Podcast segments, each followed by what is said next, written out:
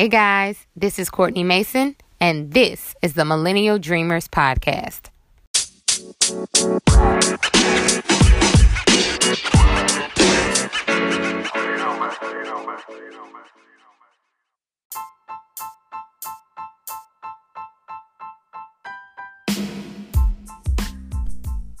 You know, as millennials, many of us are online or on our phones the majority of the day. Generally, we're reading articles or watching videos or just scrolling down the feed on our preferred social media app. Well, there's someone who's creating that content, and today's guest does just that, but on a large scale. I caught up with Krystal Franklin to discuss her path to becoming a producer, the grit and grind it has taken to get there, and the growth she's experienced personally on her journey. Without further ado, let's get into it. Millennial Dreamers, today on the podcast, we have Krystal Franklin. Krystal is an entertainment media professional who serves as senior producer of digital and social media, creative services, and marketing at TV One. She's also the former digital content producer for the nationally syndicated Tom Joyner Morning Show at Reach Media. She has a litany of other accomplishments that we'll get into in the interview, but I would be remiss if I did not say she's a graduate of the Grambling State University and a member of Alpha Kappa Alpha Sorority Incorporated and, and, and my line sister. So without further ado, hey girl, hey. Hey, Court. How are you? I am great. How are you? I'm so Girl. super glad to have you on the podcast. Full disclosure, full disclosure. How are you, though? No, I'm really good. I am. I am in a new space of just being grateful um, every day and just trying to minimize all the drama and leave the drama where it is and not bring it home with me. So I'm good. I had some wine when I came home, so I'm I'm good. I'm feeling good. I'm in the house. I'm ready to talk to you and your amazing audience. Um, so I'm good. Now I feel like I'm behind because I didn't pour up a glass of wine. I think I said that previously. Like I should have had my glass of wine because this is going to be right. one good kiki for the listeners. So, so, um, so, you know, I know that I know about your journey because you've always been very candid about it and sharing your experiences on your platforms. But for our listeners, give them a glimpse into your background. Yeah, so I am, um, I work in entertainment and television. I um, used to work in radio. Uh, I have a degree in broadcast journalism. So I knew very early on that I wanted to be in front of the camera. I knew very early on. So may, I want to say maybe as young as like 14 or 13, like that I wanted to be in front of the camera. I didn't really know exactly what that meant or what that was or what kind of job that was but I knew that I loved reading and writing, and that was my thing. I've, I've literally been writing since I was about five or six years old, writing chapter books. And you know, I spent tons and tons of times at the library, going back every week, just renting out tons of books. My mom even got me a set of encyclopedias for Christmas one year. Like I literally love reading and writing, and I knew that whatever that was, whatever that love was, that I wanted to do it full time, and I wanted to do it for a living. Um, and so I got to high school, started watching Living Single, and Khadijah was actually the person for me that kind of confirmed what it is that I wanted to do. She owned a magazine, she went to an HBCU, and I said, That's it, I want to do that. And my mom said, Okay, that's called a journalist. I said, That's what I want to do. I want to be a journalist. So fast forward, I graduated high school in 2004, get to Grambling State University in the fall of 2004 and um, I had a little bit of TV experience in, in high school. I was a high school correspondent for the ABC affiliate in Dallas. And so I had a little bit of TV experience, and I said, okay, I want to do TV in college, but I don't know if they really have a TV station. Grambling did not have the best TV stations. So I settled into being in radio. So I was a part of the Grambling Sports Radio Network for four years, and I traveled with the football team and so I was the sideline reporter for four years. So I would go to every single game and I would literally report on the game. So I did pregame interviews during the week um, with the players and the coaches. I did postgame interviews with our different coaches. Um, and I did atmosphere reports, which is just um, if, the, if we're beating the Mississippi Valley 75 to zero, we need something to talk about. Mm-hmm. So let's do it to Krystal let's throw it to Krystal on the field, and you know, and I'm probably talking to Miss Grambling or Miss uh, or the SGA president or whoever the current president is, or the band director, or one of the OD, ODC or or Keith's, let me say that, or Keith's the dance company um, captain. So I'm just talking to people. If we have some celebrities there, I'm talking to them. So I was doing that for about four years. And I knew once I graduated college that I loved radio, but I wanted to get back in front of the camera. Um, appeared, uh, appeared first in front of the camera when I was 17, and I knew then that I was okay. I'm 21 now, but I want to get back to where I was at 17. I want to get in front of the camera. Um, it did not happen. I am here to say that it still has not happened. Um, 10 years since I've graduated, but I've had an amazing journey just working um, in the background or kind of behind the scenes of entertainment. So graduated in 2008 from Grambling. Didn't have a job, although I had some bomb internships with the NBA. I had a, um, another internship in LA for a really big popular radio station. Didn't have a job at all. So I'm devastated. I have to move back home to Dallas.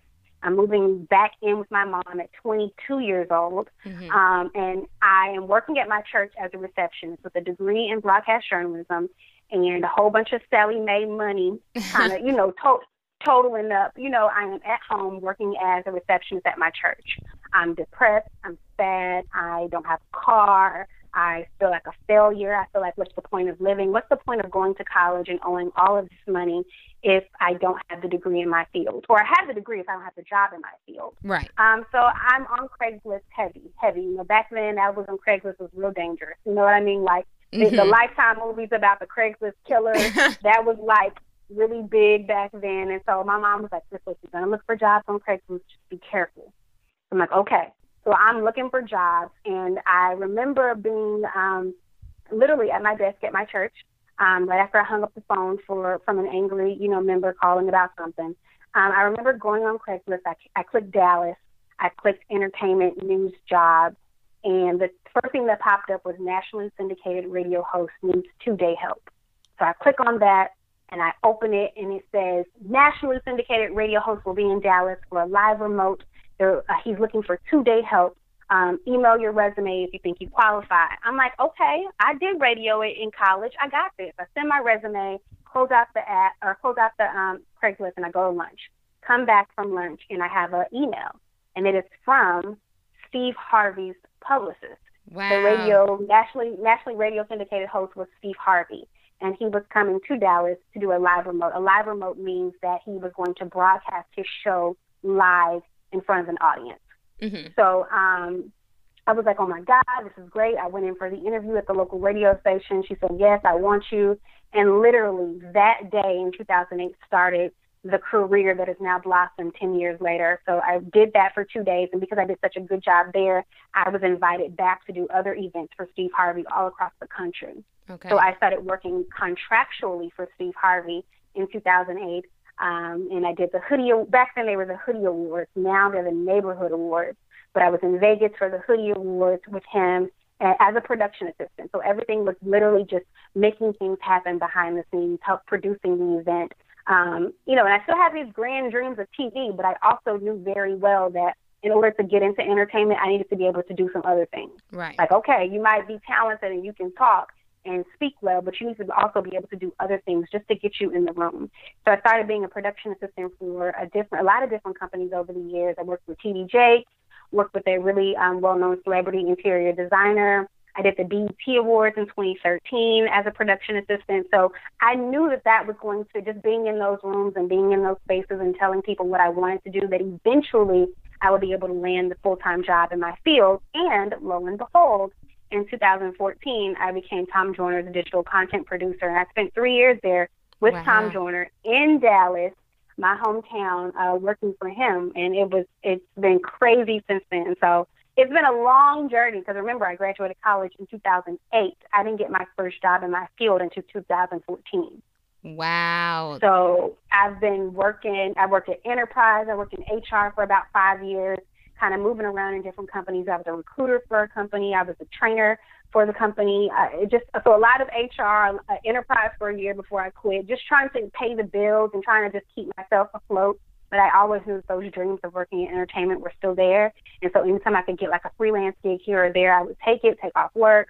But eventually it happened for me in, in 2014 was where I started officially. I mean, that's essentially a story of not giving up hope because yeah. to, you know, work, that is a, a, a very long time to not work in your field or specifically just not doing the type of work that you want to do um, absolutely, and to absolutely. say but to that you had the the foresight to know that to get where I want to go eventually and to do the things that I want to do eventually I need to take different opportunities that will help me get these different skills that I need and that will prepare me for the long haul because you know you never know when the time is right so it's like prepare early on by taking any opportunities that you can that will help you. And also, Absolutely. just going on Craigslist, you never know who might be looking for something. I, I think that's dope in and of itself that you were able to find something in the unlikeliest of places, some working with such a brand and a, a figure as Steve Harvey finding it right. on Craigslist. That means like the grind is real. You don't don't oh, ever okay. like yeah, don't look I, down I on. had no I had no clue that that kind of stuff was even on Craigslist. Like it was I was desperate. You know what I mean? I was literally just trying to find something that I could do that mimicked what I wanted to do for real. I, I knew I was working at my church, but I needed I needed something, even if it was you know contract a contract job. I needed something to kind of keep me afloat, to keep me you know, going because I was I was in a bad space. You know, to graduate with no job and to do and to do so and have to move home, and that's real humbling. It's really, really, mm-hmm. really humbling. You know, and I was desperate, and I didn't even know that jobs like that existed on Craigslist. But you know what? Thank the Lord they did. I don't know if they still do, but I'm glad that I whatever whatever told me to go to Craigslist. I'm assuming it was God. Whatever led me there, I'm just glad that I listened and didn't, you know, you know, kind of turn my face up or turn my nose up at it. Um, it I'm just glad that I listened and, and it was able to, you know, do very well for me.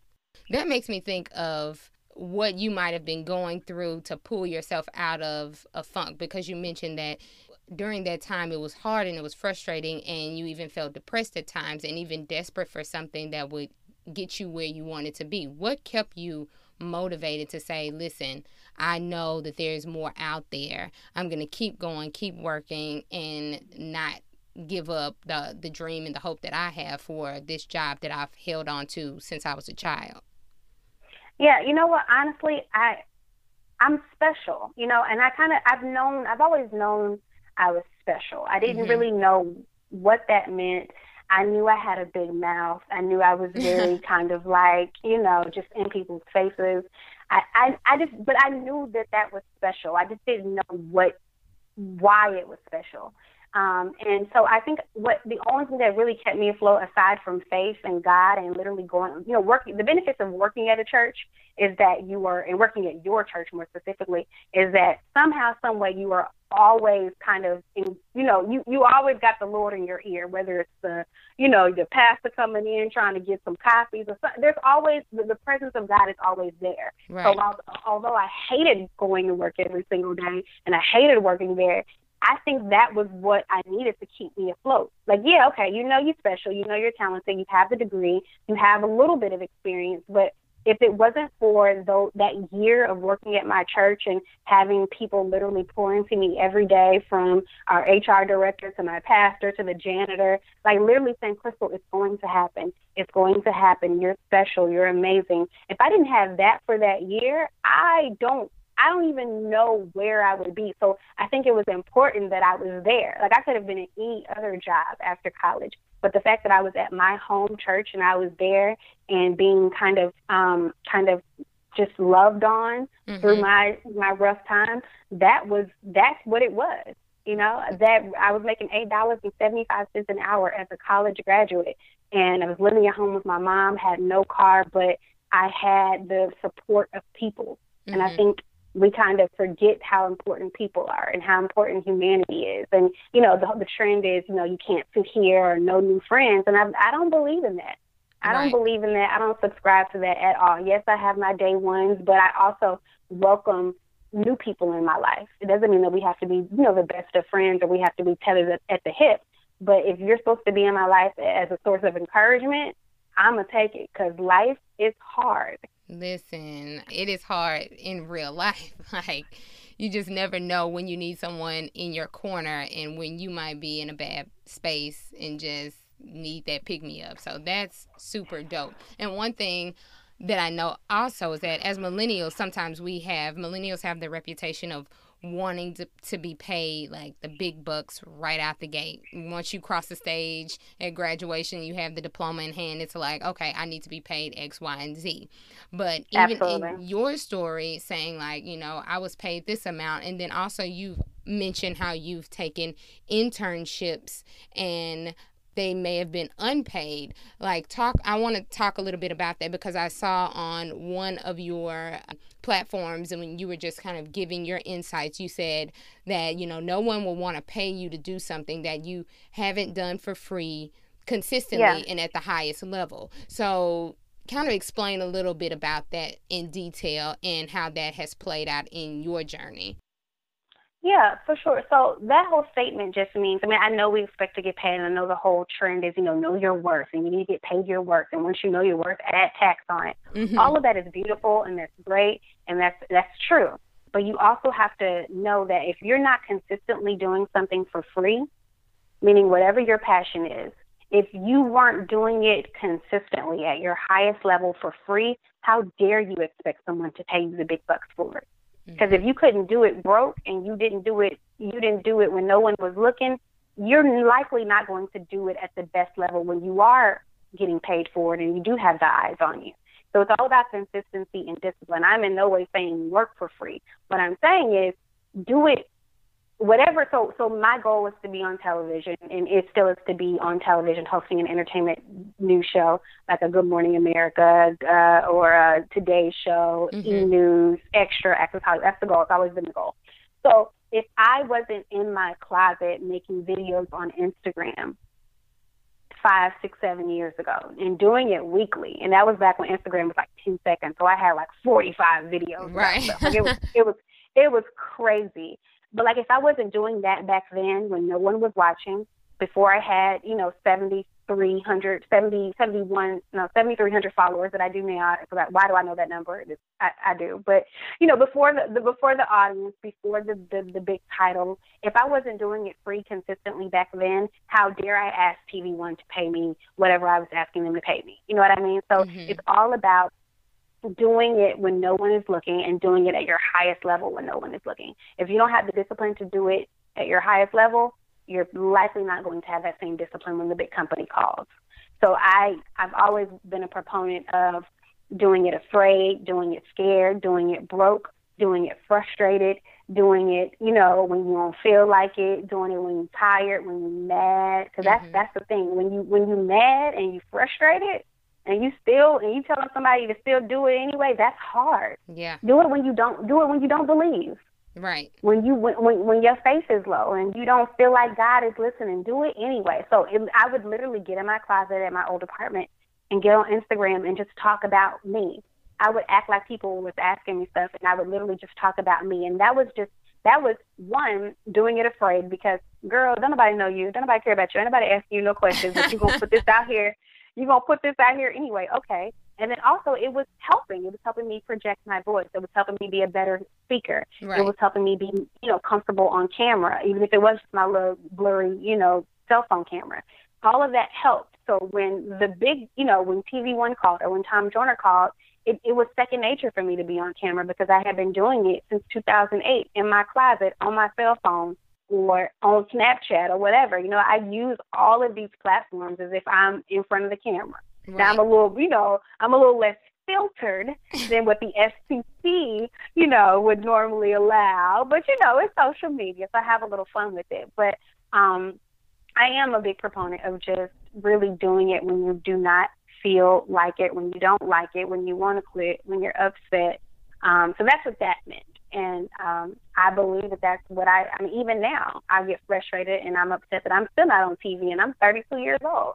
But I have to remember that, okay, you know what? Your journey was uniquely created for you. No matter what your peers may be doing in the industry, on June 22nd, 1986, God had a plan for your life.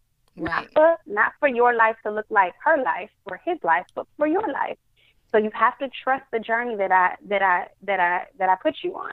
I know it took to 2014 for you to get your full time job, but it's here, right? You got it. Look what I've done. I, I did it before. I can do it again. Yeah. But you just gotta, you gotta trust me. But I, I can do it again. I promise you. So that's how I kind of just keep motivated. You know, I think I look at, I call it proof of faith.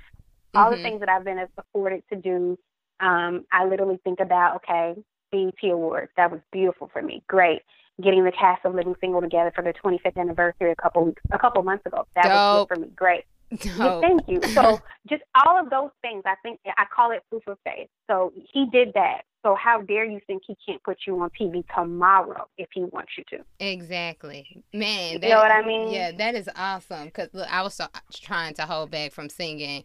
Um, if he did it before, he'll do it again. That gospel song. That's right. what immediately came to my mind. Because I'm like, gosh, yeah. we, we forget about that so many times. That he's like, how many times do I have to show you? Like when you were right. crying on the floor, having a panic attack, thinking that right. you were gonna, you know, not get over you know, this heartbreak or this job loss or this failed class and all this, and I right. brought you through that, and now you're here and you're thriving and flourishing.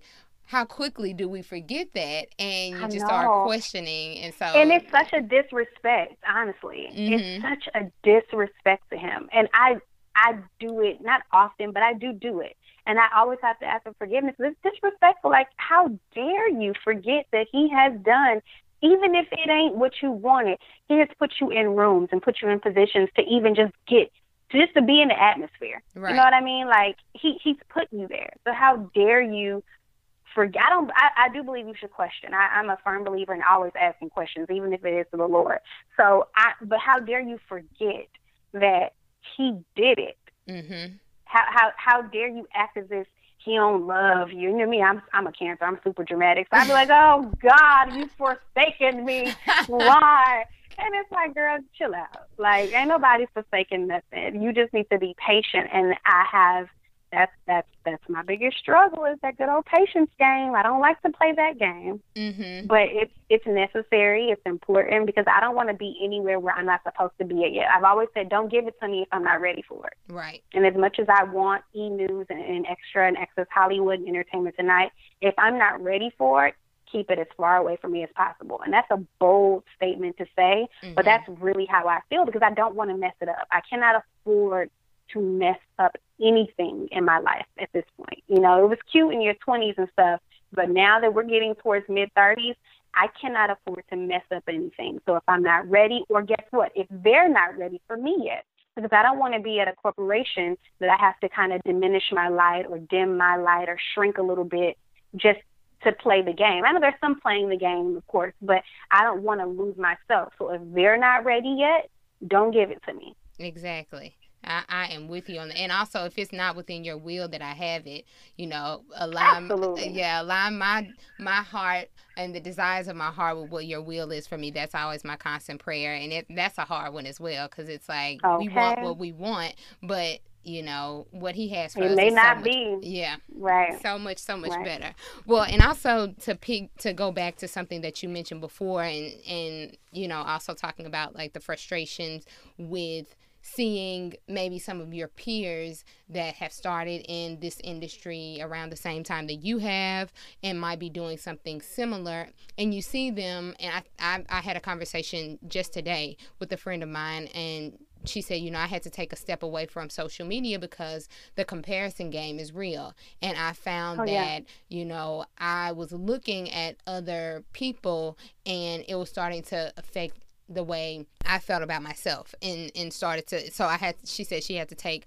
a step away from social media for a few months because I was like I you know I hadn't seen you post a lot so you know I was just right. checking on you and things like that and she was like you know I'm I'm very conscious of that I didn't want to look up and I'm doing a bunch of things um, just trying to compete with people because I believe that I'm supposed to be where they are so right. um, have you found that that's something that you've had to work through just not getting caught up in the comparison game and not you know coveting someone else's um, story and realizing that you have a story uniquely for you that you know we, you have to be comfortable and confident in oh absolutely i mean i am 32. So I'm a little bit older than a lot of my peers that are doing things that I want to do. Or we work in the same industry, but they're about 25, 26. So that was the biggest thing for me. Not only that they were doing what I was doing that I wanted to do, but that they were doing it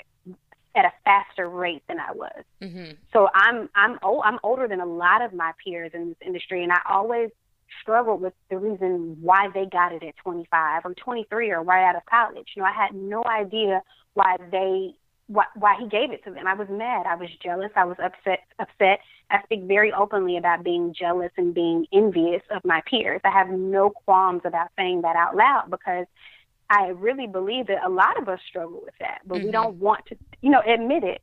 And me, I, I don't look. I I can't go through life acting like I'm something that I'm not. And I was very jealous for ten for about ten years. And even now, I still find myself saying, "Ugh, you know, I get a little tinge of like, oh, why not me? I want I want to be on the Grammy red carpet. I want to, you know, be the face of this. I want to do that. And I honestly just have to remind myself that June 22nd, 1986, your journey, not hers. Mm-hmm. The journey is not one size fits all. It is not.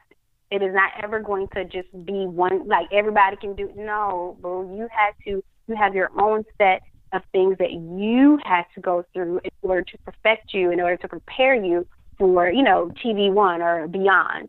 Um, so all the time, I even had to unfollow a couple of my peers that I really love and respect.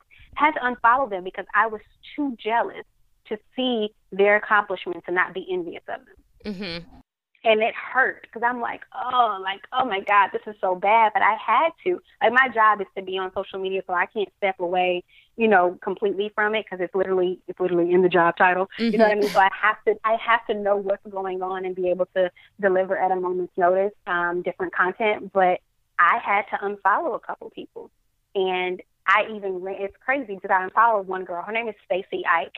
Um, S A S T A C E Y I K E. She's amazing. She's an amazing host and um, actress. And I had to unfollow her for a while because I was so jealous of her success. She's in Los Angeles. I've always wanted to move to LA. Um, she's out there. I mean, she was the she's uh, on Oprah's network. Mm-hmm. She was the first um, host to do an after show on Oprah's network, and it was she's just so bomb. So I was just so jealous of her. She's mad young. And I'm like, oh, so I unfollowed her. And it was crazy because in May of this year, I was asked to be on a panel in Houston, Texas for the National Black Film Festival. And guess who the moderator, guess who the moderator of that panel was? Miss Stacey Ike. so I'm like, oh, crap. You know what I mean? So I'm just like, ugh, now I have to see her greatness and her everything in person. And yes, it's, and, and totally, totally ignoring the fact that, girl, you own a panel. Right. Totally ignoring that fact. You on, and, and you on a panel with Terri J. Vaughn, which is Lovita Alizé Jenkins from the Steve Harvey Show. Love so you her. on a panel with someone that you grew up watching, and, but yeah, you can't see the amazingness in that, and you mad because Stacey gonna be the moderator, and then you got like what? and so me and Stacey actually had a conversation afterwards, because she's like, "Don't I know you?" And I was like, "We don't know each other, but we followed each other on Instagram." She was like, "Yeah, I thought you looked familiar." And she was like, I don't see you anymore on Instagram. And I just honest I told her, I was like, Girl, I was jealous. I had to unfollow you. She was like, What? And we had such an amazing conversation about jealousy and envy. And she was like, Thank you so much for being honest with me. She was like, No, I'm not gonna apologize for my success, but I do love that you were honest enough to tell me how you feel. And it just having that kind of conversation with her and her helping me through my own situation, I'm able to follow her now and I see her and I celebrate her and I love on her and I'm always making sure that I'm commenting and that I'm being genuine in my commenting because um, I really am proud of her. But I definitely struggle with the comparison game, imposter syndrome. I'm always not so much now, but definitely about two or three years ago, I was always wondering why I was in the room. Like, okay, you put me in this room, but I'm still not doing what I'm supposed to do. Kind of almost having like an attitude towards God. Mm-hmm. And it's like he, I almost feel like he'd be like, "Girl, hush, be quiet."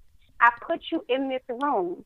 And yes, it's not doing what you want to do, but you're in the room and you're going to get noticed because you're in the room. And sure enough, that has been the story of my life, being the kind of outspoken girl and being in the room and being in the back of the room at that and speaking up and, and voicing my opinions about things have gotten me to gratefully where I am today. So, you know, it's it's a struggle absolutely every day um, as far as comparing um, I make sure that I always remind myself that this is your journey. You know what I mm-hmm. mean? It's gonna. I, I, it's a million people that want to do what you want to do, but only you can do it. You know, you got the sauce, you got the drip. God gave it to you. Right. Like if you you have you have it It's in you, you just have to be patient. Exactly. No, that's so much goodness in there. The journey, that's like, as Oprah, I like to use, pretend that I'm Oprah sometimes, and she says, that's a tweetable. That's a tweetable. The yes. journey is not one size fits one all. Size like, fits all. we yes, cannot, you know, yeah, you, you can't just look at it. And also, that's beautiful that you re- realize that by looking at all these other things, you would be missing out on your experience and what you're supposed to gain from being in those rooms by saying, ugh, gosh, yeah. you know, when mm-hmm. in actuality, you're in the room. Like, it's so funny. Yep. And I think that's an amazing to have that, you know, be, you know, hypersensitive to that and say, like, yeah, I'm, I'm missing it by not yeah. really realizing what I need to do. But I am also a supporter of curating your feed and curating what you consume on on social. And I saw that Nicole Kane wrote that on Instagram as well. She was like, I've mm-hmm. I've convinced myself that the world is, you know, flowers and roses and everyone supports one another and everything is great right. because I've taken the time to, you know, remove the things that will make me feel bad or not make me feel good or whatever the case may mm-hmm. be. And sometimes it does being conscious of the fact to say like right now I just can't see someone else succeeding in what I want to do and I'm I'm working on that within myself and trying to get there but I need to curate something that's going to help me stay positive and and focused and aligned and I don't think anything is wrong with that. So anyone that's listening, if you feel similarly because I know uh, we everyone doesn't want to admit it, but I felt like that before. It's just like, oh man, look at so and so. They're really crushing it. And it's yeah. you have to remind yourself it's okay to take a step back, unfollow who you need to unfollow, or, you know, mm-hmm. do what you need to do to make sure that you're staying aligned with um, your journey and you can stay focused. So good Absolutely. stuff all the way around. But to get to your job now at yeah. uh, TV One, so you're producer of digital and social media. What does that position entail specifically? Yeah, so it's a super long title, but just uh, in short, I uh, create. I'm a senior producer, so I create um, really cool, high quality content. And so that could be video content, written content. I do manage the website, tv1.tv, so I'm basically the website. So you go on there, and in addition to full episodes and clips for our new reality series or our upcoming, you know, movie, um, I also write celebrity uh, entertainment news. So um, any trending news that may be going on, um, I manage the website. I help manage our social media platforms. I also um, you know, create the original content. Original content means brand spanking new. I'm not repurposing anything from any other website or taking video from social media. I'm literally creating original brand new content. So a few of the things that I've done in my almost two years at TV One, um, I think my biggest project that I, you know, I'm I'm the most proud of is Living Single 25 uh, Living Single turned 25 in 2018. Mm-hmm. Um, and so I had the idea. I, I grew up with Living Single. It has it means so much to me personally because me and my mom used to watch it every single day. I realized I wanted to go to an HBCU from watching Living Single. I realized I wanted to be a journalist from watching Living Single. So I've always had this really deep affinity for it. So when I realized that it was turning 25 in 2018.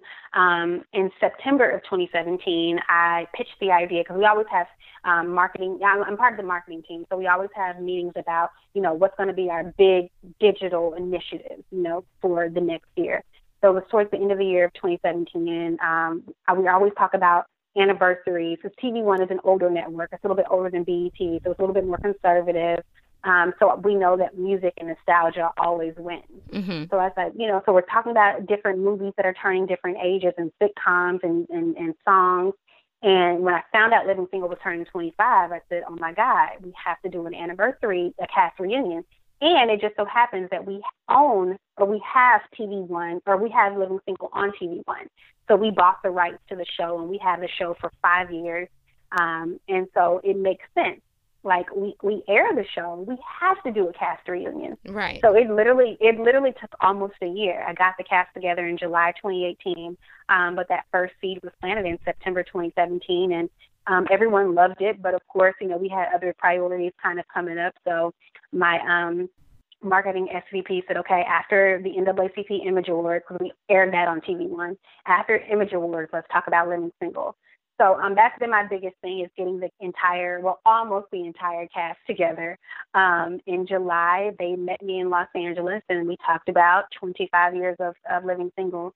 And so that was really big for me because it, it meant so much. And for my mom to see that, you know, like it was just kind of like a full circle moment. You know, I'm like literally 20 years ago, I'm watching it with her in my living room, in her living room, and now her daughter is on set telling these very same people what to do, you know, and kind of curating this moment for Black culture. So that was great. Um, I also created an after show for one of our reality shows. Um, Erica and Warren Campbell, mm-hmm. they have a reality show called We're the Campbells. And um, I worked with Erica when I was working with Tom Joyner, and so I knew her very well. And I knew that her and her husband had an amazing love story, and they're such just gracious, generous people with their knowledge. They're funny, they're sexy, they're just a fun couple, and they have some very unique views about things. They're also a pastor and first lady, in addition to being a Grammy, you know, award-winning singer and producer. And so I said, okay, how about we have the reality show on air, but digital, digitally, what if we do an after show? So after every single episode, we have kind of like a separate after show that is exclusively on the digital and social platforms, and we talk about different topics every week. So for nine weeks, I you know ask them about different topics, and of course everything is pre-recorded. So um, I met them in LA at their home over the summer, and um, I asked them about everything from is divorce okay? Is sexy a sin? how you deal with, uh, you know, mom and dad guilt. Is sex better after marriage? Wow. Just all these different. Oh yeah, all these different topics, and because they're very. One thing about Erica and Warren, they're just very sexy. They're a sexy black couple, and they they they love on each other out loud, and I love that because especially in the Christian community, you don't really see too many artists that are kind of touchy feely or kissy, and they don't they don't really they kind of reserve that to behind closed doors. But yeah. Erica and Warren, they love on each other out loud and outside in public, and I love that. I think that's very normal. They are married, you know what I mean? Mm-hmm. And they talk about, you know, sex and the whole the whole conversation about sex in in church and why that's so kind of I guess offensive to some people. They talked about so much stuff and it was amazing. Um, so that was one of the series that I created. Um, I have a series that I'm still trying to, you know, get kind of growing. It's called Life and Lyrics, and that's where I sit down with a celebrity, um, usually a music artist, and we talk about their life and how music played a part in that. So I've interviewed Tank and Rotimi, Leela James, Ush, uh, not Usher, Ne-Yo, Jaden Smith, different people. So I'm still trying to get that up and growing. You know, when you work in the g- digital and social world, it's all about analytics and numbers. So I'm trying to get life and lyrics up to the, you know, the the level of Warren and Erica and Living Single. So those are some of my projects um, and my work babies, as I call them, um, that I'm afforded to do a TV one. I'm always pitching different things. Um, I'm always trying to make sure that we are fresh and as um, current as possible. Like, although we're an older network, um, I still want us to be as fresh as possible. The online audience is actually a little bit younger than the on air audience. So I'm able to do some really cool things with some younger artists and younger celebrities that we t- probably typically wouldn't do on air. So just in charge of creating different ideas um, and different content for our website. So all the fun stuff that we see, all the the dope qual- content that we see, yeah, like you're pretty much the red carpets, yeah. So how has that been transitioning from being someone that's a fan of all these artists and listening, growing right. up watching them on TV or listening to them on the radio and working closely with them now in your everyday work and, you know, having conversations with them and being at events with them, like how has that kind of um, been in that transition? Yeah, no, it's it's I'm not gonna I'm I am jaded, but at the same time I make sure that whenever I don't think something is a big deal, I remind myself that okay, so remember one one day you prayed for this. You know what I mean? So don't get too comfortable. So while it's it's amazing. It is absolutely amazing to be in front of people that I watch literally today on television in the theaters. Um, it's been fun it's been difficult at the same time because now there's a you, you step out of the fan mode and now you have to um, kind of share the space with people that have egos and people that have insecurities. Mm-hmm. So it's been difficult a bit, um, kind of navigating the oh my God, I love you so much. Because I believe in, you know, if you're going to be a fan, cool, tell them you're a fan of theirs up front so you can get that out the way and you can actually get to what you're paid to do. You know what I mean? So right. if it's ever a situation where I'm just super excited about somebody before I interview them, I let them know I get that part of it out so that I can go ahead and actually do my job. Um, but you do find yourself kind of running into, you know, some challenges because there are men and women that um, either take advantage of the fact that you look a certain way or they're insecure about the fact that you look look a certain way so it's been challenging. I've um, I've worked with a lot of different celebrities, and they've been mostly great.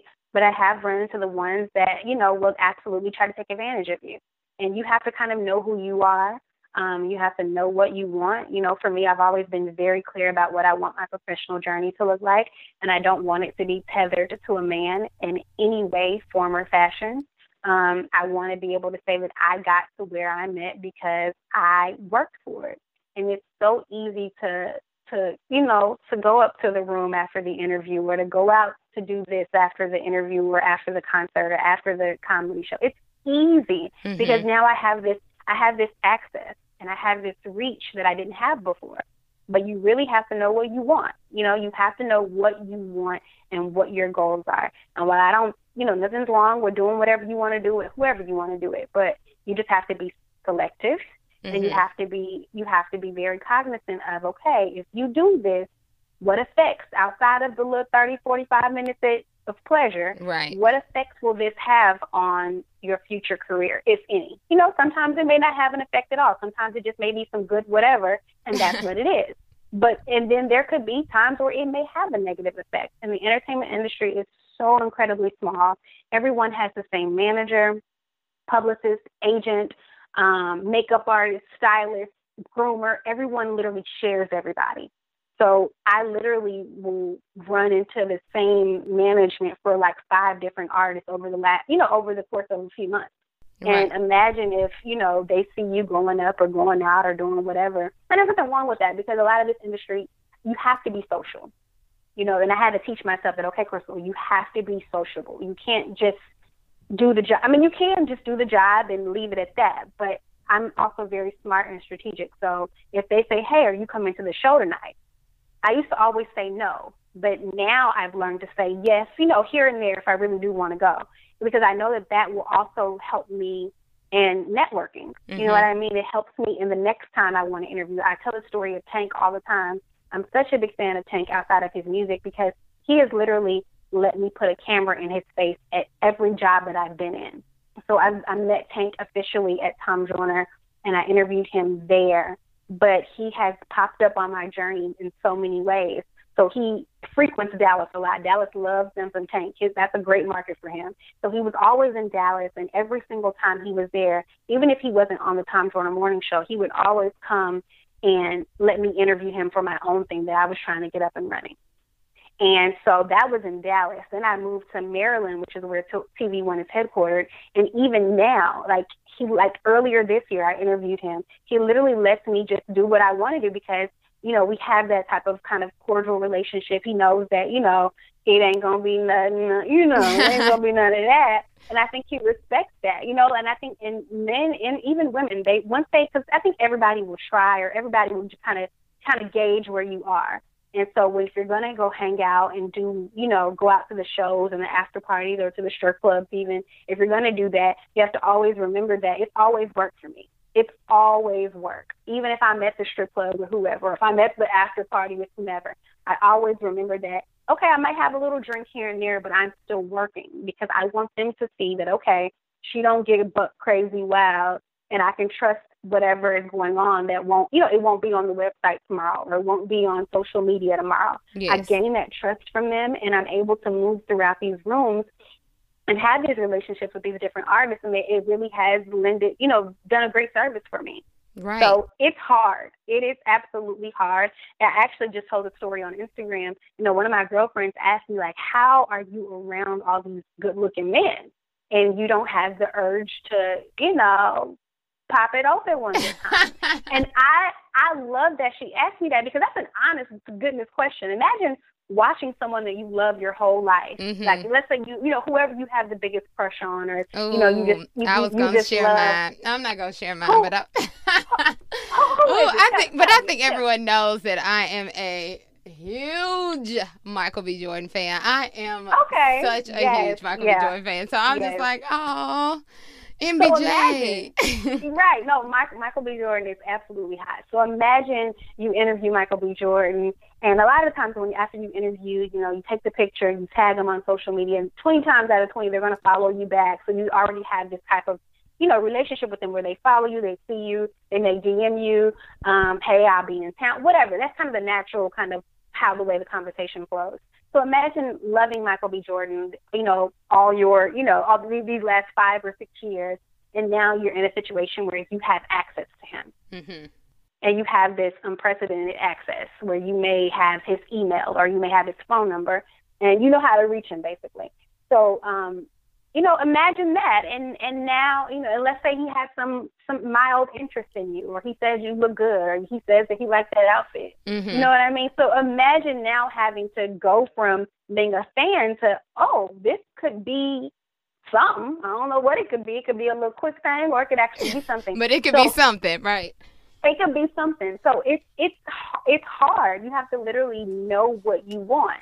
And I'm not going to sit here and say that, you know, I may not have entertained, but I, uh, but before the entertaining, I always say, okay, if this goes bad and if this goes south, you know what I mean? One, is it worth it? And two, how am I going to be able to pick myself up from this? And I've been, you know, very fortunate to not be in situations where things, you know, because, you know, things can go left in this day and age. People be right. videotaping and doing all this crazy stuff. So you really just have to figure out what you want and, and what you want your journey to stand for. For me, I don't want to embarrass my mom. I don't want to embarrass first myself, then my mama. And then I have a 12 year old little sister that I do want to be proud of. She walks around with a hairbrush and acts like she interviews her friends just because she sees me doing that for a living. Love. So I'm very conscious of my influence. I'm very conscious of just what I want this journey to look like. And I'm not going to say that there are not going to be bumps and bruises and mess ups and mistakes but I'm okay with spelling out loud as long as there's a lesson learned.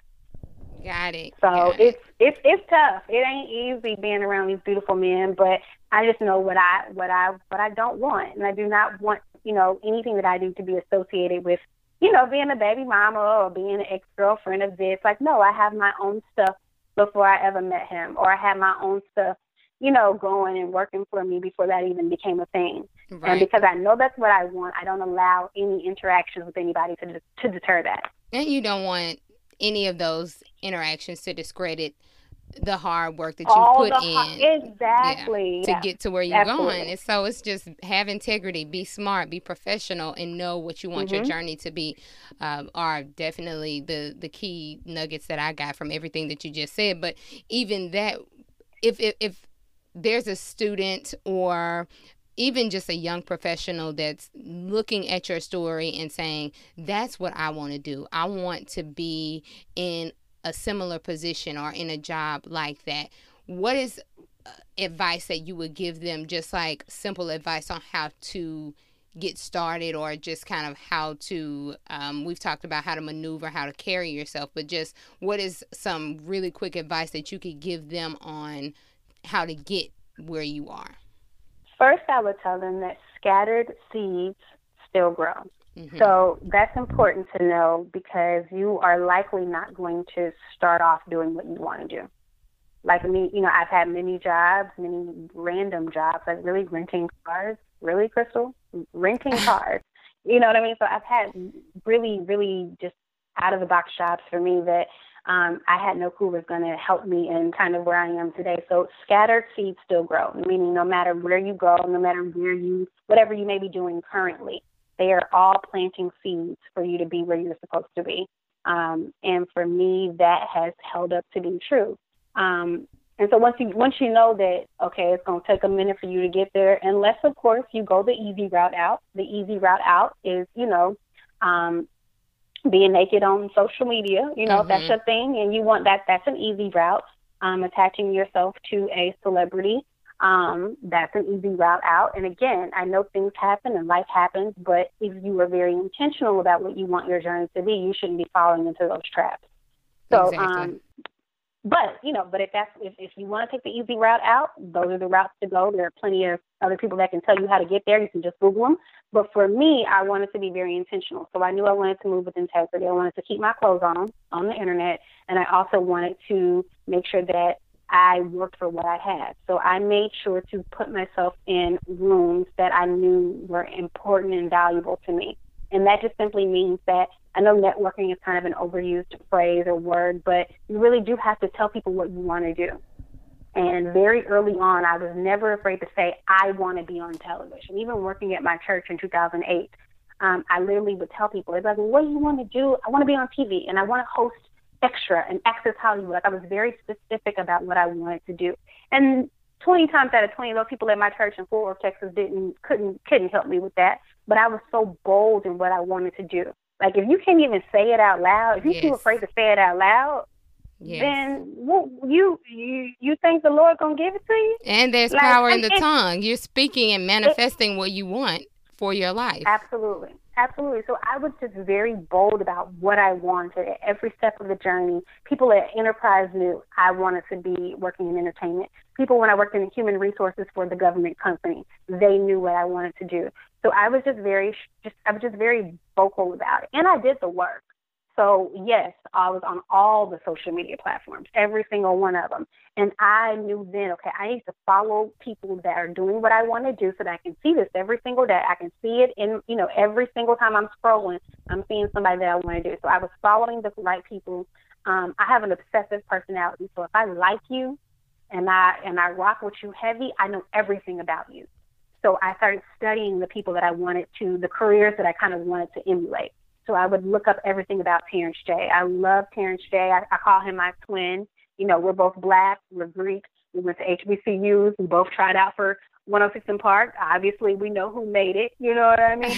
but I, I, I literally studied his his journey. He's only a few older, two years older than me, and has been able to accomplish so much. Um, you know, Oprah, of course, is the OG. Ex, uh, Shaun Robinson is the host of, was the former host of Access Hollywood. I knew everything about her. I was literally studying who I wanted to be like. You couldn't tell me anything about my industry that I didn't already know. So you have to study. You have to research. And research is not just scrolling on Instagram. Research is literally typing their name into Google. Everything that pops up, you read it click on images, look at what they're doing, look at who they're with, look at what they're wearing, go to videos, watch every interview about this person. So I was literally like I literally have an obsessive personality. So I was literally watching and and, and kind of seeing how they moved through different, you know, aspects of their life. Mm-hmm. Um, and then I began to start doing what I wanted to do.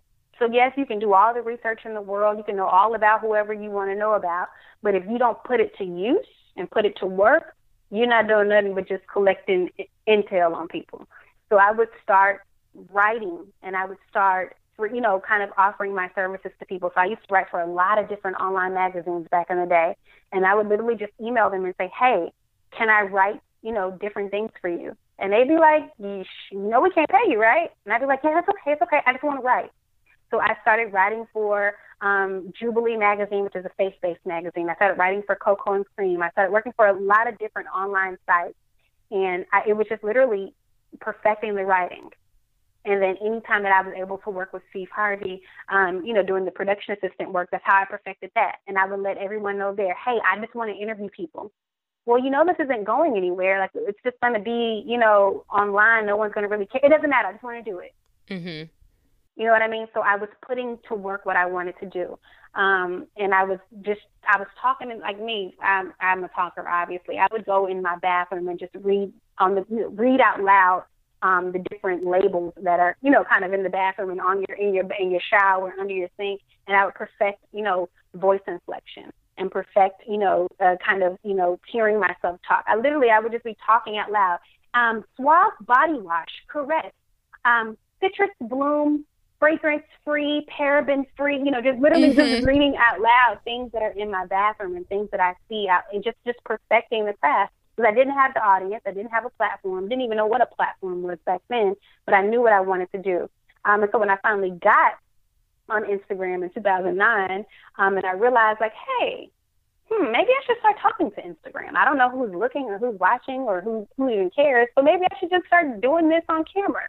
And sure enough, that's what I did, and randomly started growing an audience and taking pictures of what I wore every day, and started growing an audience from that. And when I realized that my very small audience wanted to see more of me talking to them on camera, I started taking questions and was literally answering questions like, "Oh, what's your favorite color?" My favorite color is green. Like it would be so like mad, like elementary, but I was just, you know, I love the fact that someone was asking me something so that I could respond to. So I say all that to say that you have to perfect your craft. Even do it when no one is watching, when no one is looking, when no one cares. Um, and if you have to make it up, do it. So I was answering things sometimes that people wouldn't even ask me, but I was consistent with it. So when the time to, you know, the time came to come to Tom Joyner, and now I have this national brand that is kind of co-signing me. That's when the audience started going for me on social media, and I began to kind of make my presence known as this, you know, girl that creates content for the for the website, but she also does interviews here for the website. And as my audience began to grow, and I began to get more comfortable in front of the camera and start sharing my experiences, and that's ultimately how I've just been growing all these years since. That's amazing. Like doing the things that you want to do and in the privacy of your own home when no one yes. can see you. And also, even right. when people can see you, not being afraid. I think that's another thing that as millennials and as, you know, people in this kind of um, digital age, we are so conscious or worried about what someone might think or perceive that we prevent ourselves from doing what we want to do. So just, you know, like you said, take talking. You know that you want to be on camera, interviewing people, talking to people, hosting, and you're doing this like you said on a smaller scale on your personal platform before the world knows your name it's going to prepare you. All of this time is like how people set themselves up when it's time. And, you know, folks, someone listening might say, oh, that's interesting. That's funny that, you know, you'd be in your bathroom reading off labels, but all of that is helping you because now you're, you know, even when you were with Tom Joyner, discuss, talking to celebrities and interviewing them on camera. And mm-hmm. so it just comes full circle. So don't be afraid to do those things that someone else might look down on. I might say like, "Oh, that's weird. They're doing this." No, you know what you want. So yeah. put yourself in the best position to get that. So I I love that. Yeah, and also I would want to just also add that if you want to work in this industry, you have to, like I said before, let people know what you want to do. But you also have to audition. I hate auditioning. I think it's just absolutely horrible. I hate having to something about having to convince someone that I'm good enough just bothers the crap out of me. Yeah. But it's also it's also what I have to do because I work in this industry. So I have auditioned for 106 & Park when they were looking for a new host after uh, Terrence and Roxy left. Um, I auditioned for uh, this is the very beginning of the OWN network. They were looking for different people to come on this new network that Oprah Winfrey was going to do, and so I auditioned for that. I auditioned for I Want to Work for Diddy. Like it was, I auditioned for for I mean literally America's Next Top Model. Like, and it is crazy because I actually got the furthest out of all the auditions. I got the furthest in Top Model than I did for any other thing, which is crazy to me. but um, but it's just I I had to put myself out there, I and mean, it's so uncomfortable and it's not fun. But you know, if I heard a casting call was coming um to Dallas, I would go. And, you know, back then I was like, okay, if I just get on reality TV, and thank God, thank God that it never happened for me. But my whole thing was if I just get on reality TV, then I would be able to kind of flip that and finesse that into, you know, working working for whoever. Um, and thank goodness it didn't happen because you know a lot of those girls that um, were popular back in early 2000s ain't ain't ain't so popping now. Mm-hmm. Uh, you know what I mean? So it it it didn't work out that way, thankfully, but it it allowed me to practice. I mean, you know, even if, you know, reading for BET, I had to literally read a teleprompter where I had to do a lot of self tape auditions, which is you putting your cell phone up, um, you know, on something, and you they send you a script and you read verbatim and try to be as personable as possible, and you send it back to them, and they say yay or nay and they all said nay to me. You know, when you don't hear anything back, you know it's a no. So um, that that was another thing that I had to get over because I didn't live in Los Angeles or New York or even Atlanta. I live in in Dallas, Texas. You know what I mean? So I knew that I had to put myself out there. So any casting calls that came to the city, I was there. I also was very open about moving and leaving home. You know, I went to school in Louisiana and went to undergrad in Louisiana, so I wasn't a stranger to being away from home. But and I also knew that okay, what I want out of my life would probably not be at home, and I'm okay with that. So I was more than okay with moving across the country. I lived in, I lived in three different states. This is my third move across the country. I was in Chicago in 2010 um, for an internship for three months. An internship. I graduated in 2008, but I had an internship in 2010 in Chicago. Um, and that was a three month internship, and it, I didn't get paid until the very end, and I got fifteen hundred dollars for three months. Um, and then I moved, yeah, crazy. and then I moved, I moved to New York for six months, and that was a bust. You know, I, I got a job out there, and I just bought a one way ticket out there, didn't know where I was going to live. Two weeks into my living there, I got fired, and I was on my own for six months.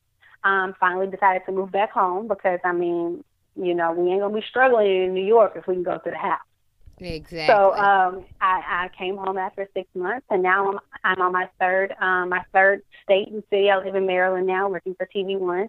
So you have to be comfortable with not being attached to home, friends, and family gotcha. because you're going you're gonna miss a lot. You're gonna miss a lot. You're not gonna be a part of a lot because you were chasing a goal and chasing a dream sometimes that no one can see but you. Exactly. Don't be afraid. Yeah. I, I yeah, I am with you on that. Stray away if you need to. It will be scary. It will be hard, but you know what you want and you have to do what you have to do. So Yeah. That's absolutely awesome advice. Awesome advice. Also, um, since you mentioned because you did say um, you went to school and in Louisiana, which we know from the beginning of the episodes that you went to yes. Grambling State University. So I always like to talk about the HBCU experience from those who graduated and who are crushing it because it's yeah. so important to me to sh- highlight and to show others who are coming after us that HBCUs really do produce individuals who go on to do great things. So, you know, and with us with Gram fam, like our pride runs deep. Like mm-hmm. we we call ourselves Gram fam for a reason. Like it's really a family. Absolutely. So, um, what or why was it so important for you to attend an HBCU? Um, honestly, I have no connection to HBCUs at all. I have no connection or um, legacy type of you know experiences with with historically black colleges or university. I simply wanted to go because Khadijah went to Howard. I'm living single, and I wanted to be Khadijah. So you know, I don't have a a deep, you know, affinity. I didn't have a deep affinity for it back then. Um, mm-hmm. That 14 years ago, which is crazy that it was 14 years ago when I started college. But I didn't have a deep affinity for it then. But the moment that I stepped on the campus of Grambling State University, I knew that it was special. I knew that it was unlike anything I had ever been a part of in my life. I, you know, grew up in suburbia land, so I wasn't around a lot of us.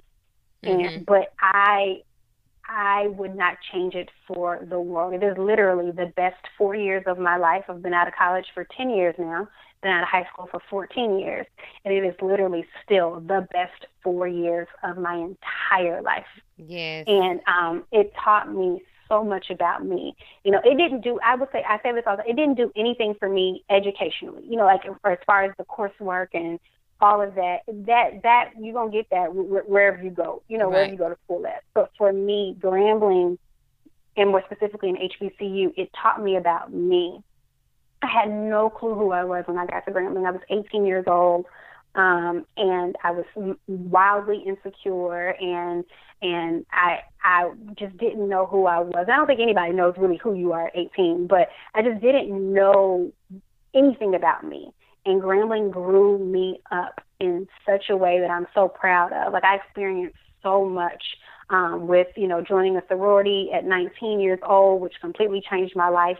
Mm-hmm. Uh, from you know just having these crazy experiences with, with girls and guys, and I just I I'm an only child, so it was so mind blowing to me that oh I have sisters overnight. Right. And then no, no, you don't have sisters really. Actually, yeah. you just have girls that share the same letters and colors, and you know. Yeah, it can be that you really way. Don't have, you don't have sisters, and guess what? You're not the nicest girl either. So if they don't like you, it's probably a little bit of your fault too, because you weren't the nicest human being either.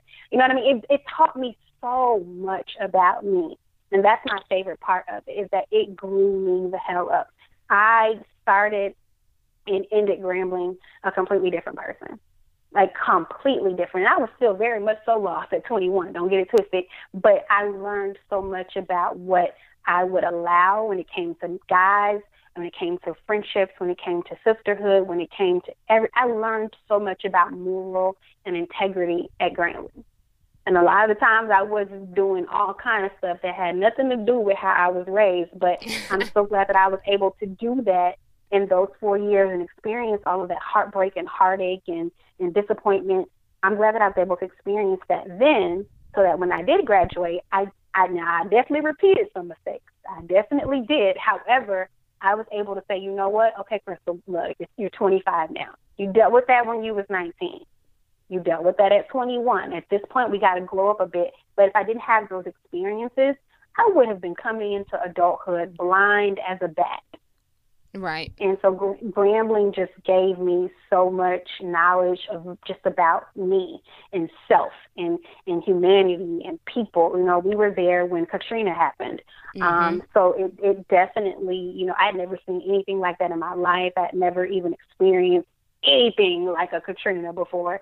And although we were not directly impacted up um, Grambling, we were, were surrounded by our friends that lost family members or lost homes, and we took, you know, we took students in from Southern Louisiana, and it just, I just never knew anything about that type of life and being of service to someone. Mm-hmm. So it, it literally grew me up, and that's the best part of it for me is that I found I didn't find who I was at Grambling, but I I started to uncover who I could become while I was there.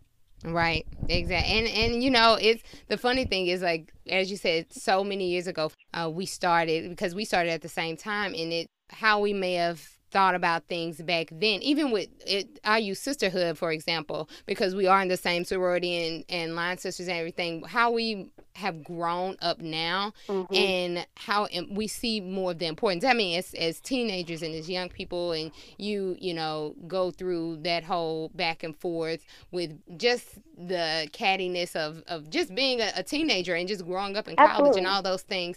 But now we can see how important it is to have women supporting women. I'm so glad that now as a as we have you know the glow up as they say we we glow up as we grow up um, we can see why that's so important um, you know even though it was a, a, growing pain so to speak back then and uh, it, it is one of those things that is invaluable attending an hbcu because we eh, there's never a time that we'll just be immersed in culture and yeah. so many people from all walks of life, all states, eh, you know, everywhere that can just be around each other and build those friendships. So I'm, you know, forever indebted to Grambling. So I definitely Absolutely. want to get your your opinion on that because I'm always like I, I want people that come after us to know how amazing the experience is. And you know it's going to be a family reunion when we get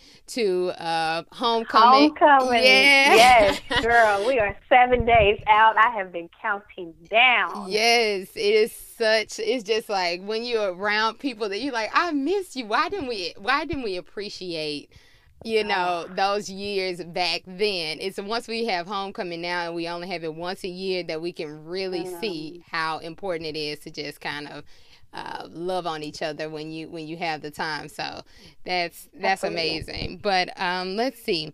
I think I pretty much picked your brain and got a, a lot of the information that you know people want to know because they see they see you online, they see you on social, and how far you've grown from just starting out to your story of you know grinding it out and knowing what you want and just all those different things. So it's really it's inspiring, I will say, to see how far you've grown you. and to know that you have so, so much further um, to go in your journey. You. And so, for anyone who might want to follow all of your social pages and see how you know your journey will continue to progress where can they follow you on all things social yes of course we love a good plug um, at krys at krys franklin uh, tv is my instagram it's my twitter i'm on facebook at krystal franklin tv and just krystal franklin i have two pages um, k-r-y-s-f-r-a-n-k-l-i-n tv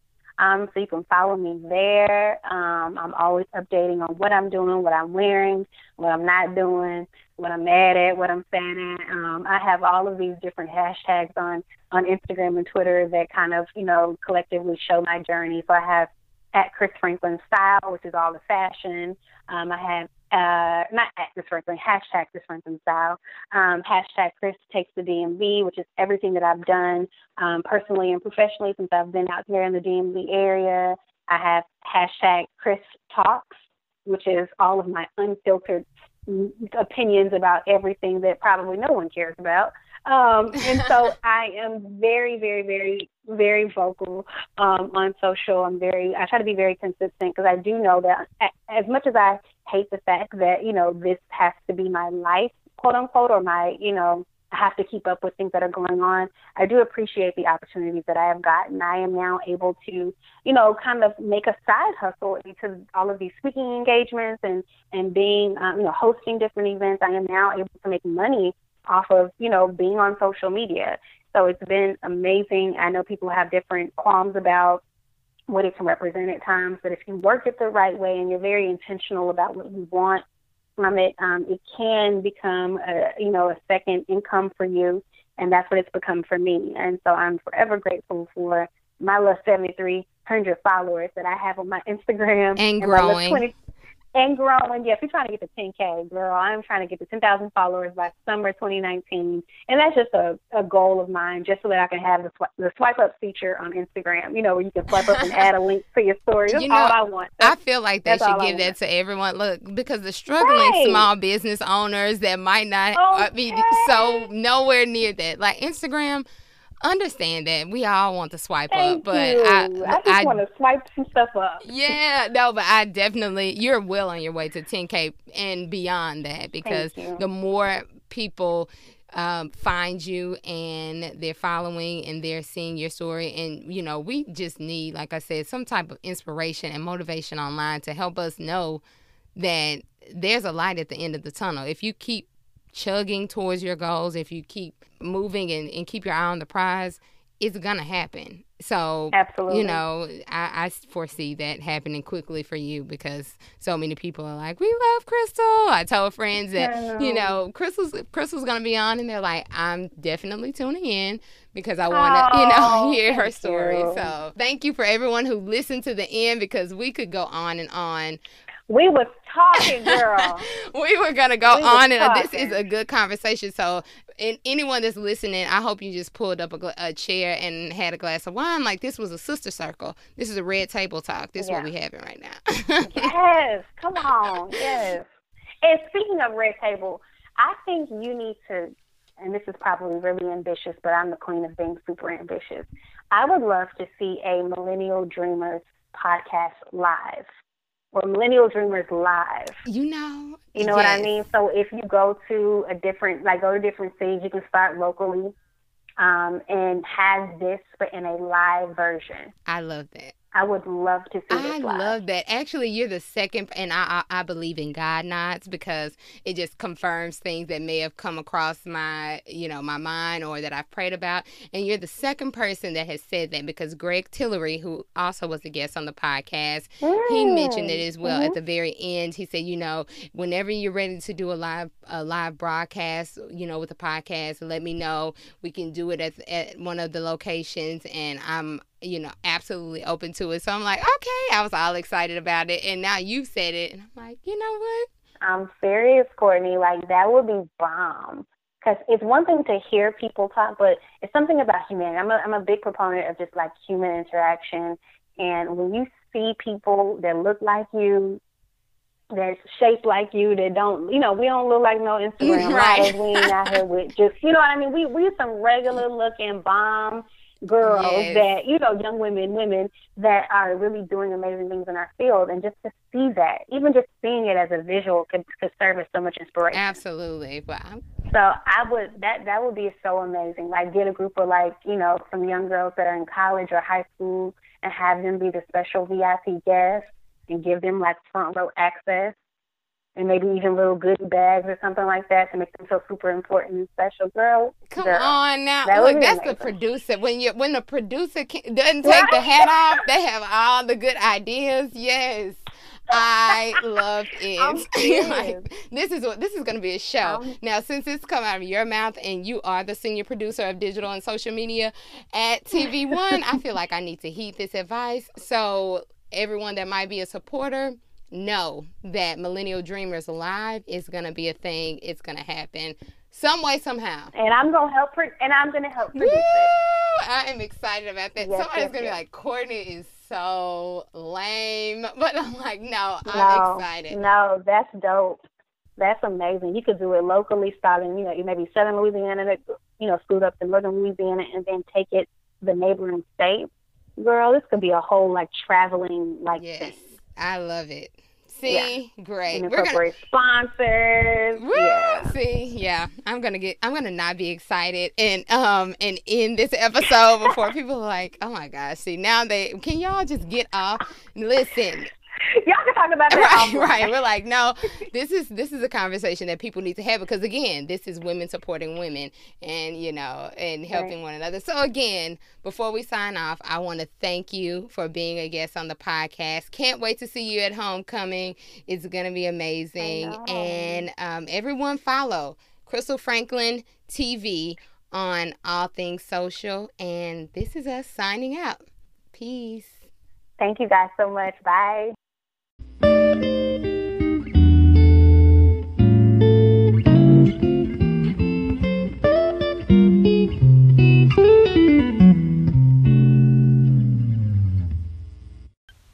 Thanks so much for listening to this week's episode. If you have any ideas you'd like me to discuss on the podcast, send me an email to millennialdreamerspodcast at gmail.com. Again, that's millennialdreamerspodcast at gmail.com. I look forward to hearing from you. Oh, and hit the subscribe button. Talk soon. Peace. The podcast you just heard was made using Anchor. Ever thought about making your own podcast? Anchor makes it really easy for anyone to get started. It's a one stop shop for recording, hosting, and distributing podcasts. Best of all, it's 100% free. Sign up now at anchor.fm slash new. That's anchor.fm slash new to get started.